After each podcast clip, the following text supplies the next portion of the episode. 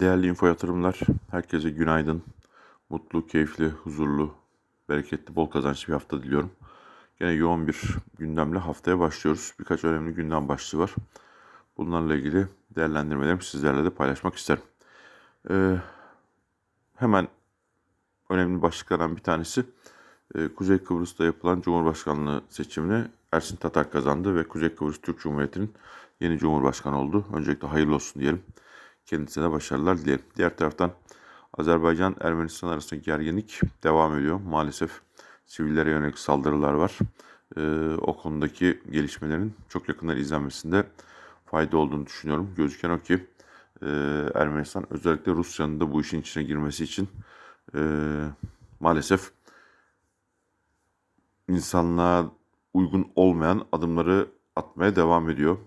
Ümidimiz, beklentimiz insanlık adına e, sorunun en kısa sürede ortadan kalkması. Bir diğer konu e, bu hafta Merkez Bankası toplantısı var. PPK toplantısı ayın 22'sinde. E, piyasanın genel beklentisi ki ben de o görüşteyim.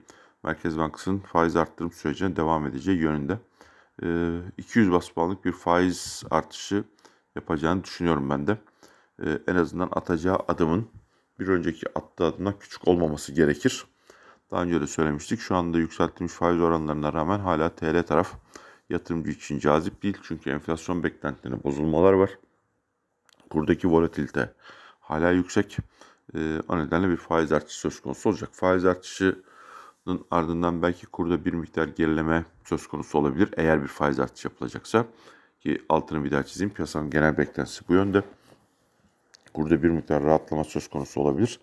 Ancak geçtiğimiz hem faiz artırım, arttırım kararı sonrasında hem de, hem de gerek Merkez Bankası gerek BDDK kararlarından sonra kurun 7.50'lere kadar geldiğini oradan tekrar çok hızlı yukarı doğru döndüğünü görmüştük. Eğer piyasa beklentileri karşılamayan pas geçmesi durumunda yani faizleri arttırmaması ya da piyasa beklentisini karşılamayacak düzeyde yapılacak bir faiz artışında ya da alınacak faiz kararında kuru dolar TL tarafında 8'lerin üstüne atması çok da sürpriz olmaz. Ee, esas önemli konu borsalar açısından bakacak olursak konuya tabii ki e, ikinci dalga kaygısı. Fransa'da biliyorsunuz sert tedbirler alındı hayata ilişkin. Bunun pek çok yerde önümüzdeki dönemlerde söz konusu olabileceğinden söz ediliyor. Bununla beraber bütün e, şeyde e, piyasalarda bu riskli varlıklardan kaçış yönünde bir sürecin başlayabileceğine yönelik beklentiler var. Tabii özellikle yabancı borsalarda, dünya borsalarında çok hızlı yükselişler, çok ciddi getiriler elde edildiği için e, en ufak bir satış baskısının bir trend haline dönüşmesi kaygısı yatırımcılarda ön plana çıkıyor. E, doğaldır bir kar realizasyonuna karşı karşıya kalınması. Ama şimdi bu yaşananları bir e, düzeltme süreci, bir aşağı yönlü trend olarak okumak çok doğru değil. Bizim açımızdan 1200 puan seviyesinin eşiğine kadar geldik e, buranın üstüne doğru çıkma konusunda piyasanın bir miktar iştahı var. E, ama özellikle bankacılık tarafını çok yakından izlememiz gerekiyor. Daha önce de söylemiştim. Yabancı yatırımcının hala bu fiyatta bu kadar cazip fiyatlara rağmen e, banka tarafında bankacılık endeksi üzeri çok da alım yönünde bir iştahı yokmuş gibi gözüküyor. Haber bazlı e, bir takım sektörlerde ve hisse senetlerinde e, endeks üzerinde ağırlı olan hisselerde bir miktar hareketliliğin yoğunlaştığı gözüküyor.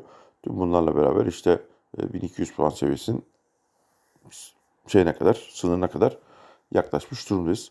Şimdi bundan sonrasına bakacağız. Ee, iyi bir momentum yakalanmış gibi gözüküyor. Ee, en azından yukarı hareketli bir süre sürme iştahı var.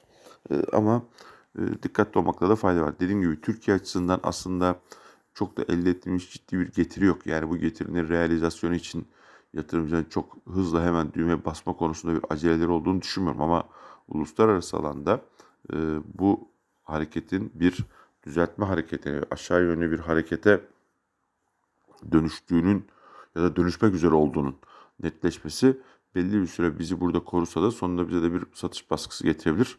O konuda dikkatli olmak gerekiyor. E, dolar tarafında da az önce söyledim 7.95-7.96 buralarda bir direnç oluştu. Birkaç kere vuruyor, dönüyor e, yeni bir savunma hattı orada oluşmuş gibi gözüküyor. İşte daha önce 5.98'de 6.85'te gördüğümüz seviyeler.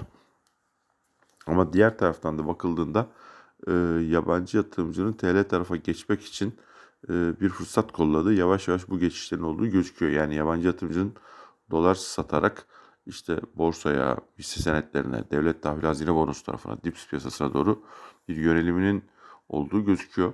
E, faiz artışı olmaz ya da piyasa beklentilerini karşılamayacak düzeyde bir faiz artışı kuru 8 liralara kadar getirebilir. Tabii ki gel yani o PPK kararının olduğu gün kurun hangi seviyede olduğunu da görmemiz lazım ama e, bir faiz artışı e, piyasadaki tansiyonun bir miktar daha düşmesine neden olabilir.